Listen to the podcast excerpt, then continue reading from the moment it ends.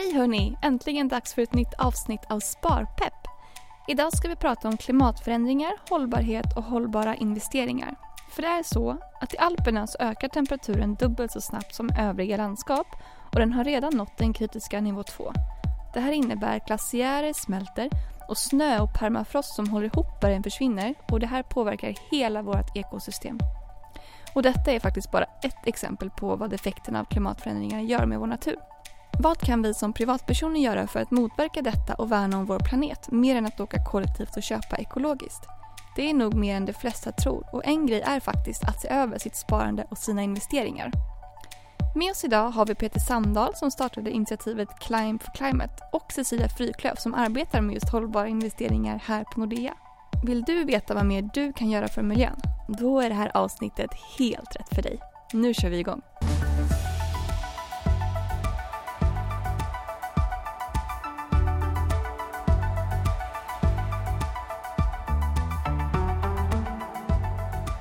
Hej Peter och hej Cecilia, välkomna hit.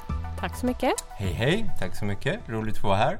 Verkligen. Ja men det är jättekul att ni båda är här för det här med hållbarhet är ju verkligen på tapeten och det är verkligen ett så aktuellt ämne just nu. Eh, och det känns som att det verkligen är viktigare än någonsin med tanke på hur sommaren var med all värme och skogsbränder och dåliga odlingar och så vidare. Men Peter, kan inte du börja med att berätta lite om vem du är? Ja, vem är jag? jag ska, hur ska man säga det här då? Jag är väl en eh, något rastlös eh, 35-årig hobbyäventyrare får jag väl säga. Passionerad eh, naturvän, klimatkämpe, klättrare, alpinist. Det finns många ord, men eh, när jag inte är uppe i bergen och spenderar tiden där så eh, jobbar jag faktiskt eh, med på Nordea. Så jag är kollega med Cecilia här. Härligt! Välkommen! Tack! Cecilia, berätta lite om dig. Gud, vem är jag? Jag är ju inte riktigt lika äventyrlig som Peter och be, bekämpa eller be, beklättra berg. Men eh, det, det, jag gör på Nordea är att jobba med hållbara investeringar och hållbara finanser sitter jag i en grupp som arbetar med. Och vi jobbar för att inkludera hållbarhet i Nordeas eh, verksamhet. Kan man säga, allt vi gör. Mm, det låter jätteviktigt och jättebra. Ja, det är jättespännande. Peter, kan inte du berätta lite mer om eh, Climb for Climate? Vad är det för något? Ja, gärna. Climb for Climate är ju, vad ska man säga, ett eh, globalt klimatinitiativ. Eh, och jag grundade det för ungefär ett år sedan och det, det är fött ur en övertygelse om att människan och naturen måste kunna samexistera på ett hållbart sätt. Och jag och min kompanjon i Climb for Climate, Danny Hjulman, vi har varit i i bergsmiljöer i större delen av våra liv och vi har sett hur eh, en allt varmare planet påverkar de här eh, ekosystemen, de här miljöerna. Så det här var ett sätt för oss att kunna ge någonting tillbaka. Och hela syftet med Climb for Climate är att skapa ett ökat medvetande för hur klimatförändringarna påverkar våra alpina miljöer eh, och då med fokus på Alperna, eller våra europeiska alper. Nej, men, och jag tror att just det som händer i Alperna just nu ju, har ju extremt stora konsekvenser och vi pratar om mycket mer än, än, än att vi förlorar ett par skiddagar per år. Och det här har varit en drivkraft för oss att, att berätta den här, eh, den här situationen för, för fler människor. Och inspirera till handling. Det låter jätteintressant. Eh, jag var ju och vandrade i Alperna i somras på lite olika berg och så och toppar. Eh, och det är verkligen otroliga vyer och natur och liksom, man blir verkligen tagen av det när man är där.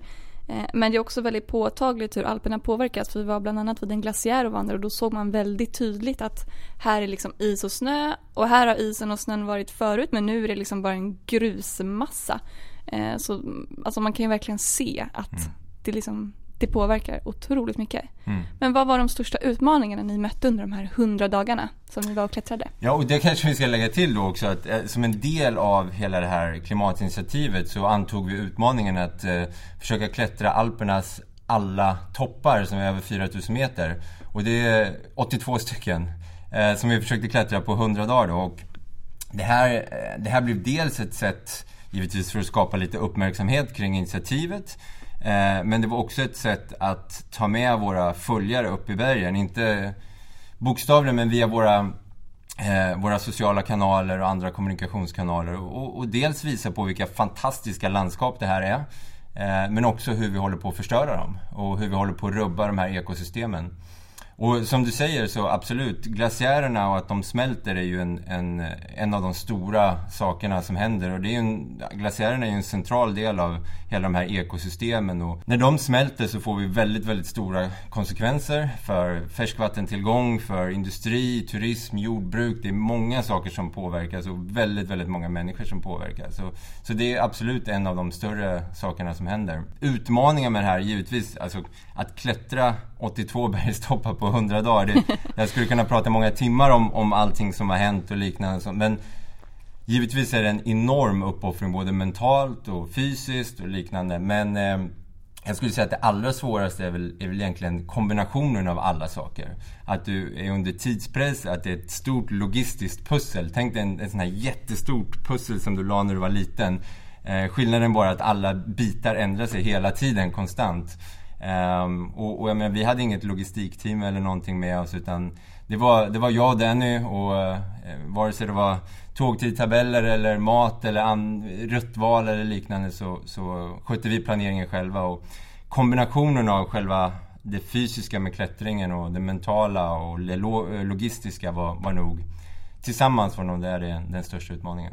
Mm, jag vet, vi pratade lite förut om det här och då berättade du att när ni var ganska nära en topp så tappade du en ishacka. Och då var det liksom, kan inte fortsätta ja. på liksom. Ja, nej, men det, och det är väl det mentala spelet att man, det är så mycket som kan hända och så mycket som kan gå fel eller som kan gå på ett annat sätt än vad man planerat för. Och i det här fallet så, så som du nämner så fick vi vända när vi hade väldigt, väldigt kort bit kvar till toppen och, och sånt är extremt mentalt påfrestande. Man har varit igång i säkert 15-20 timmar och kanske det är en timme kvar.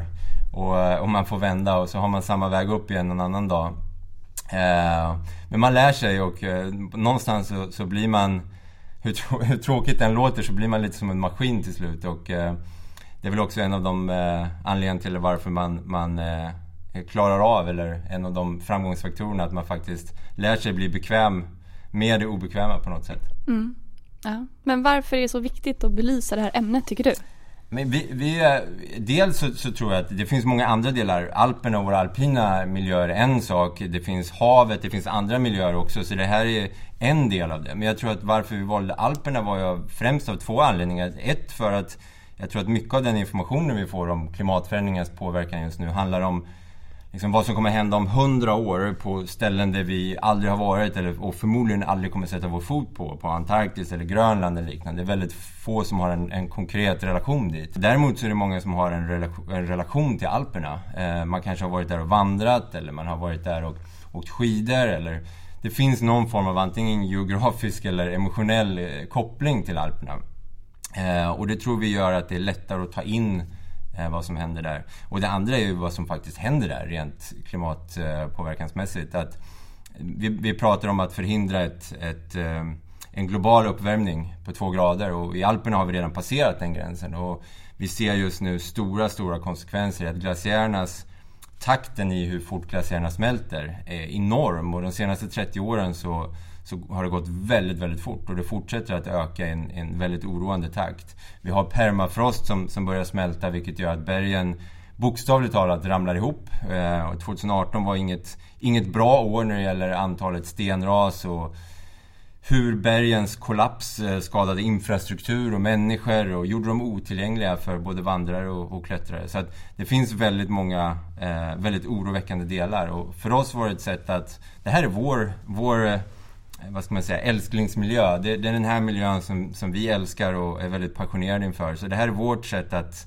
att berätta för en, en större grupp människor att titta här, kolla vad som händer och eh, hur klimatförändringarna och en allt varmare planet faktiskt får konkreta negativa effekter på, på vår, kan man säga, närmiljö ändå. Men har ni lyckats med det här att uppmärksamma det här och skapa någon typ av förändring och men kanske framförallt just upplysa kring medvetenheten om det här problemet? Bra fråga och det, det väl subjektivt och det ska vi egentligen andra bedöma men eh, jag skulle vilja kanske nämna ett par saker. Ett är väl eh, att vi har mötts av ett enormt stort engagemang. Ehm, och vi har pratat, fått chansen att prata här är, idag är ett exempel, men vi har fått chansen att prata väldigt mycket om vad som händer där nere.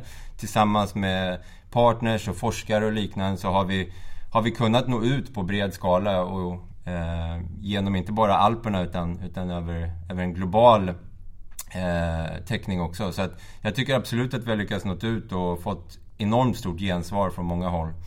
Eh, det andra som jag också känner mig väldigt, väldigt stolt över att vi har lyckats, med Climb for Climate så har vi lyckats förena kan man väl på något sätt säga, men vi har lyckats eh, få, få, få tillsamm tillsammans ett antal olika organisationer och företag och, och eh, andra att jobba för en gemensam sak. Organisationer och företag som normalt sett eh, inte har så mycket med varandra att göra. Vi har haft klimataktivister, vi har haft eh, en bank, vi har haft produkttillverkare och vi har haft eh, företag som jobbar med eh, förnyelsebar energi.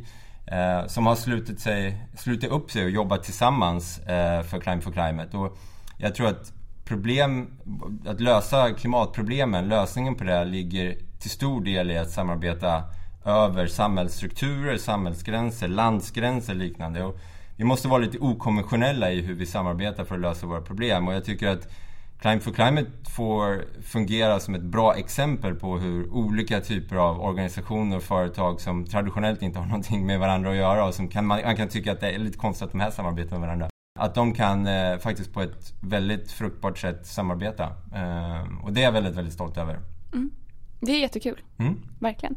Men visst är det också så att i och med er klättring just Climb for Climate så flyttade Nordea Liv och Pension 7 miljarder kronor i globala aktier till mer hållbara investeringar. Ja, det stämmer. Absolut. Och det, men Climb for Climate är inget, inget kommersiellt projekt utan det vi, det vi krävde från våra eh, partners var ett, ett engagemang för, för miljöfrågan. och, och i Nordeas fall och Nordea Liv och Pension så yttrade det sig att de antog den här 100-dagarsutmaningen. och när, när vi försökte klättra 82 toppar som en utmaning så, så antog de utmaningen att flytta sin svenska aktieportfölj eh, från traditionella till hållbara investeringar. Och man kan väl säga att de lyckades bättre än vad vi gjorde. De lyckades flytta hela portföljen och vi lyckades bara klättra 72 av 82 toppar så att, på 100 dagar. Så att man får väl ge dem cred för det. Nej, skämt åsido. Det är fantastiskt givetvis och jag tycker det bevisar att, att Eh, att de tar den här frågan på allvar.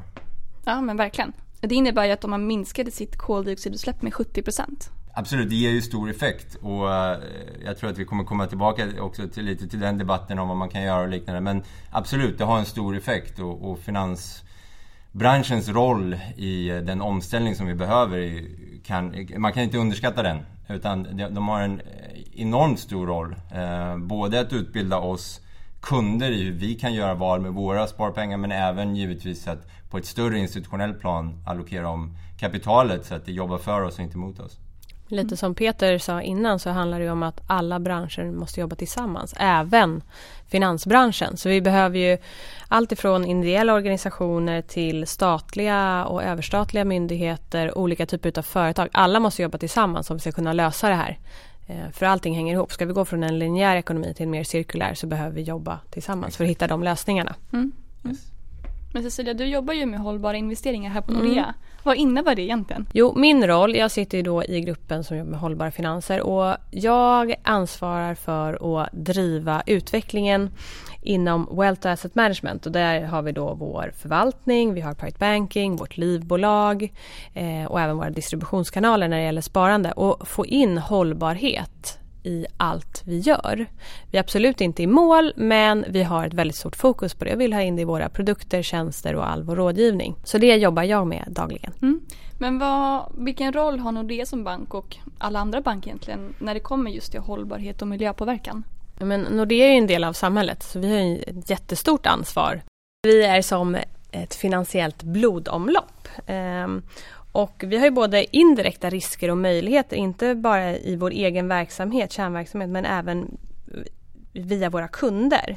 Så vi behöver ju hjälpa dem och möjliggöra en omställning så vi kan uppnå klimatavtalet och skapa en mer hållbar framtid. Så det är lite det som jag säger att det är det vi måste göra. Vi måste framförallt hjälpa våra kunder Eh, med den här omställningen och såklart arbeta med vår egen operationella verksamhet också. Se till så att vi själva har koll på våra leverantörer. Och...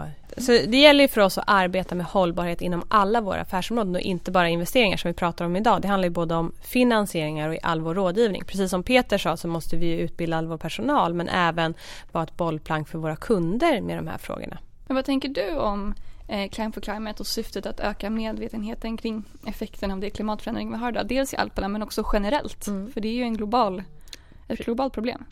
Precis, och jag tycker att det är bra. Jag tycker att alla sätt som vi kan belysa klimatförändring och precis som Peter sa att man tar hem det så att så man känner att det är nära en själv. För förut har vi pratat om att det har hänt i Asien eller i Afrika eller Latinamerika. Men det är faktiskt här.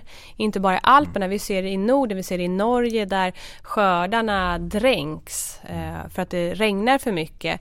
Sen har vi östra sidan i Sverige som man kanske inte än kan bevisa att det är klimatförändring men vi har väldigt stora torker där, där vi har nödslakt och, av andra djur.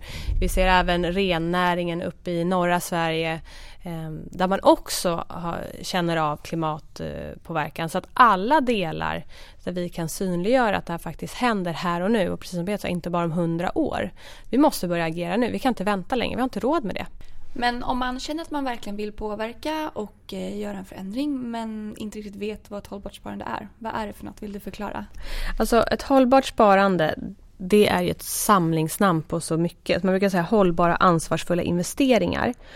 Och det är olika investeringsstrategier som på olika sätt tar hänsyn till miljö, sociala och ägarstyrningsaspekter i sina investeringsstrategier. En investeringsstrategi kallas för bäst i klassen och då väljer man in enskilda bolag, eller man väljer in bolag som faktiskt är eh, bäst på att hantera ehm, ägarstyrningsfrågor, miljöfrågor och ta in sociala aspekter i sin förvaltningsprocess. Så väljer man ut de som absolut är bäst där. Det är ett sätt att göra det som vi bland annat gör i vår STARS-process. Sen så finns det det som har varit väldigt stort under en lång tid. Det har varit något som man kallar för ansvarsfulla och etiska fonder. Och där väljer man istället att exkludera. Man tar bort så kallade kontroversiella sektorer. Man tar bort investeringar i alkohol, porr, tobak, spel och vapen. Bara för att ta bort det värsta. För det stämmer inte överens med kanske mina etiska värderingar. Däremot om man verkligen vill få till en förändring då kanske man ska investera i bolag som man tror på framåt eh, och eh, har stora eh, att man engagerar sig i, i dem och försöker förändra dem i den riktningen man vill också. Istället mm. för att bara exkludera och ta bort. Mm. Så det är två olika sätt som man kan förklara. Ja, men det är jättebra. Ehm, jag gjorde faktiskt ett test på internet och räknade ut mina utsläpp och då var det frågor eh, om min bostad och mina resor och mat och konsumtion och så vidare. Och tydligen så släpper jag ut 4,8 ton eh, växthusgaser per år. Mm. Eh, men den hållbara nivån ligger på 2,5 ton per år så jag ligger ju en ganska bra bit över den hållbara nivån. Men medelutsläppet i Sverige ligger faktiskt på 11 ton så det är också väldigt stor skillnad från den hållbara nivån och om man dessutom räknar in vad ens investeringar släpper ut så är det 8 ton till, så totalt 19 ton. Mm. Så vi har ju ganska mycket att jobba på kan man säga. Vi har en bit, bit kvar. Verkligen. Men hur mycket kan vi då påverka genom att investera våra pengar hållbart? Ja, men som investerare kan du påverka ganska mycket. För att om du tänker så här att om du investerar i bolag som arbetar för, att, för en förändring eh, och för att skapa en hållbar framtid för att bekämpa klimatförändring, hitta lösningar till det. Eller om du investerar i bolag som inte alls eh, bryr sig om miljö, sociala aspekter eller ägarstyrningsfrågor så får, blir det en markant skillnad. Men det kan ju kännas som att man inte gör så mycket för att för mig känns det ingen skillnad om jag investerar i ett bolag eller ett annat. Men det måste ju på något sätt ändå ge någonting. Att jag väljer vad jag investerar i. Ja, men som individ, det är ju som allt annat vi gör, så har det ju en liten påverkan. Men som kollektiv så har vi en större påverkan. Det här handlar ju om vilka bolag vi investerar i eller lånar ut pengar till så de kan vidareutveckla sin verksamhet och göra investeringar. Och då kan vi välja om vi ska investera för en hållbar framtid eller inte. Om jag investerar mina pengar i ett företag som jobbar med solenergi till exempel så innebär mm. det egentligen att jag ger det företaget möjlighet att utveckla sin, eh, sin affärsidé för att rädda miljön eller eh, liknande. Men samma sak gäller ju om jag väljer att investera i ett företag som jobbar med kol eller släpper ut jättemycket olja i havet eller vad som helst. Då ger jag det företaget större möjlighet att fortsätta hålla på med ja, det. Ja, expandera verksamheten i samma riktning. Mm. Däremot kan man ju ställa krav på de bolagen man investerar i och till en omställning. För det kan ju vara så att det är ett bolag som befinner sig i en, en sektor som kanske inte anses vara hållbar men har ställ, börjat ställa om hela sin affärsmodell och genom att då investera i det bolaget så ger du dem möjligheten att ställa om och mm. hitta nya lösningar och då kan man ju påverka ännu mer och få ner koldioxidavtryck eller om det är mm, mänskliga rättigheter eller vad det nu må vara. För det, ibland tänker jag att det kan vara svårt att just få den här bilden om vad gör faktiskt mina sparpengar. Men Ja. då får man tänka på vad, för, vad man ger för företag möjlighet att fortsätta Precis. med sin business. Jag tänker så här, nu, jag vill verkligen göra en förändring. Jag vill omplacera mina pengar eller jag vill Mm. börja liksom, spara hållbart. Hur går man tillväga som kund? Men jag skulle kontakta min rådgivare och eh, höra vad det finns för hållbara placeringsalternativ. Eh, och alternativt så skulle jag titta i min nätbank och de flesta fonder har en hållbarhetsprofil, eller jag skulle säga i alla fall alla Nordeas fonder har en hållbarhetsprofil. Då får man ju se vilka hållbarhetsaspekter som beaktas i förvaltningen. Och utifrån det då kan man ju välja vad som passar en själv bäst, vad man, vad man vill att ens pengar ska göra, i vilken riktning de ska investeras. Så det är två konkreta saker jag skulle, skulle göra. Men på vilket sätt påverkas avkastningen av att investera hållbart? Man kan säga så här, det har funnits en myt att om man investerar hållbart så måste man göra avkall på avkastningen och det har visat sig nu är helt felaktigt. Och beroende på hur du investerar så kommer du få olika utfall. Så att det här handlar inte om att ha ansvarsfulla investeringar, det handlar om vilken förvaltare du väljer. Är han eller hon duktig på att investera så kommer du få en bra avkastning. Men om man lägger till generellt om man säger så här, om man lägger till information och tar hänsyn till det så ju mer information man har desto bättre investeringsbeslut brukar man kunna fatta. Ja men superbra. Peter, Ja. vad, har du några mer tips på vad man kan göra för att konkret ehm, påverka klimatförändringarna? Ja, eh, vi har ju varit inne på en, eh, en hel del redan eh, här och jag, jag tror på ett generellt plan i Sverige så är vi väldigt väl medvetna om att vi behöver göra en del förändringar i vår, i vår vardag, i våra liv eh, för att vi ska få den omställningen vi behöver. Och de klassiska sakerna handlar givetvis om hur vi konsumerar, eh, allt ifrån råvaror till transport, eh, etc. Eh, vi har bostäder, hur vi värmer upp våra hus och hem och liknande. Så att det är de här klassiska sakerna och de är givetvis jätteviktiga. Sen, sen tycker jag att det som Cecilia också har pratat om att eh, hur våra sparpengar förvaltas är, är någonting som börjar komma mer och mer nu men som har varit lite undanskymd i debatten tidigare och jag tycker det är en, en väldigt, väldigt viktig eh, del av den här omställningen och eh, kanske inte, för många kanske inte innebär samma uppoffring som att transportera sig på ett annat sätt eller liknande.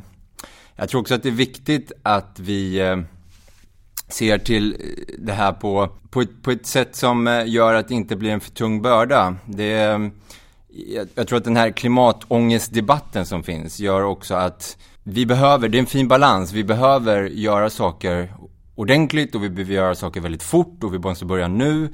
Eh, samtidigt så tror jag att om det blir för mycket att vi måste imorgon vakna och radikalt leva ett annat liv så tror jag att bördan för många kommer upplevas så stor så att det blir ingenting alls av det istället. Mm, man blir lavslagen snarare. Exakt, exakt. Och så jag tror att det måste ske gradvis men samtidigt så är det en fin balans. Vi måste göra saker, vi måste börja nu och det, måste gå undan. Men det här är också strukturella förändringar. Jag menar, vi lever i en värld idag som vi, där vi är beroende av, av, av många olika saker som, som inte supporterar vår omställning. Och därför krävs det givetvis strukturella förändringar genom hela samhällsstrukturen, eh, ny teknologi eh, etc. som hjälper oss att göra andra val. Eh, så att det, det är en vikt, ett viktigt inslag tycker jag. Eh, och ett annat väldigt viktigt inslag i det här är ju givetvis att jag tror att ibland så kan man kanske känna att ja, men om jag ställer bilen en dag och, och tar tunnelbana eller tåg eller buss eller vad det nu kan vara. Det gör ändå ingen skillnad.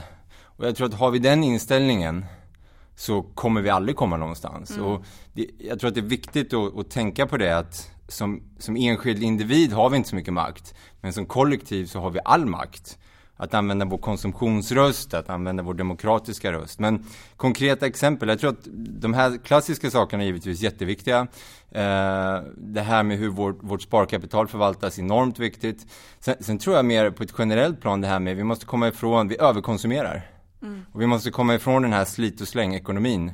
Så att jag tror att det här att rannsaka sig själv i vad, vad är det jag egentligen konsumerar och hur gör jag det och behöver jag verkligen det här? Jag tror att vi kan bli, genom samhället tror jag vi kan bli mycket bättre på att gå ifrån den här slit och släng-ekonomin och, och tänka riktigt på hur vi konsumerar. Och då gäller det inte bara, bara transport eller bara eh, råvaror till mat utan det handlar om allt från kläder till allt vi konsumerar. Mm. Så att det, det är ju några saker. Sen, sen tycker jag givetvis, jag är en, ett stort fan av, av, av eh, tåg och kollektivtrafik och liknande så att eh, det är klart att jag, jag är otroligt positiv till att använda ett mer klimatsmart resande, givetvis. Men vi behöver bygga ut och jag tror inte vi kommer sluta flyga i framtiden, men vi måste kanske driva flyget på ett annat sätt. Mm. Eh, så kanske inte jättekonkret, men, men jag tror att de flesta redan vet vad som behöver göras. Men jag tror att vi behöver ha bråttom, men också en nykter syn på det. Mm, men så en grej kanske kan vara att tänka att istället för att tänka att imorgon måste jag börja ett nytt liv, jag måste sluta äta kött, jag måste bara köpa närodlat, jag får inte åka bil, jag får bara åka tunnelbana till exempel. Så mm. gör man dels att man tänker så och sen att man tänker okej okay, om jag ändrar min livsstil så spelar det inte någon roll för jag är en i mängden. Men att man kanske ska ta liksom två delar av båda de här sakerna. Att mm. om jag faktiskt ändrar lite och att om flera gör det, det är inte bara jag som kommer göra det här, då kommer det faktiskt ge en effekt av, av liksom det jag gör. A absolut, jag håller helt med. Och sen,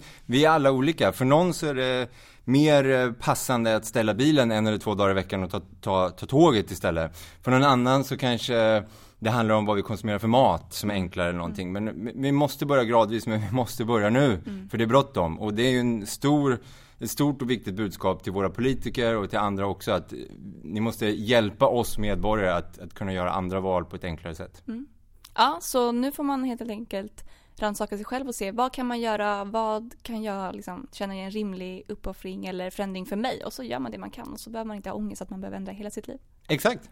Hur ser det ut för dig framöver då att fortsätta uppmärksamma Ehm, klimatfrågan och klimatförändringarna? Ja, nu under hösten här och som fortsätter också eh, så är jag ute på en liten turné runt om i Sverige och eh, pratar om Climb for Climate. Både om eh, själva klättringsutmaningen men framförallt också om klimatet och vad vi kan göra åt det och vad det är som händer. Så det upptar en stor del av min tid just nu. sen så får vi se vad som blir kapitel två i Climb for Climate och det får jag väl återkomma till. Ja, vad spännande. Vi får hålla utkik helt enkelt. Men vad skulle ni säga är era bästa tips för att komma igång med ett hållbart sparande? Cecilia, vad säger du? Jo, men jag skulle börja med att se över mina investeringar, se hur ligger jag investerad idag? Har de fonderna någon eh, policy som tar hänsyn till hållbarhet? I så fall till vilken grad? Stämmer det överens med så som jag vill att mina pengar ska arbeta och förhoppningsvis skapa en bättre framtid för imorgon? Och framförallt i sina pensionsavsättningar, för det är ju långsiktigt kapital eh, som kommer ligga där kanske 10, 20, 30 år framöver. Så de kan ju verkligen göra väldigt stor skillnad. Peter, vad säger du? Har du något tips? Svårt att tillägga någonting till det där. Det var, det var facit. Nej, men jag tror att eh, Likväl som man går till andra experter när man har frågor om eh, någonting annat så rekommenderar jag att man pratar med sin bank eller vart man nu har sina sparpengar eh, placerade. Eh, det här är personer som är duktiga och som kan det här och som vet vad det innebär och kan hjälpa dig på vägen till ett hållbart sparande. Och sen eh, instämmer jag fullt med Cecilia att pensionspengarna är superviktiga. Det är pengar som för många av oss ska, ska förvaltas under många, många år till. Och här är det extra viktigt tycker jag att tänka hållbart. Mm, jättebra. Tack så mycket Peter och Cecilia för att ni var med i Sparpepp och pratade om hållbarhet och vad vi behöver men också faktiskt vad vi kan göra för vår miljö. Tack så mycket för att Tack vi fick komma hit. Jag hoppas verkligen att ni som har lyssnat har fått lite motivation och inspiration till hur vi kan värna om miljön på ett väldigt effektivt och viktigt sätt. Känner ni att ni vill läsa lite mer om hur ni kan påverka miljön med hjälp av sparande och investeringar och komma igång med ett hållbart sparande för vår miljö och framtid? Under sparande och investeringar och sedan fonder på nordea.se kan man läsa mer om hur man kommer igång med ett hållbart sparande. Gå in där. Eller boka ett möte med din rådgivare. Vi vill jättegärna ha er feedback på det här men också på våra andra avsnitt så mejla gärna era tankar och funderingar till sparpepp Hej då!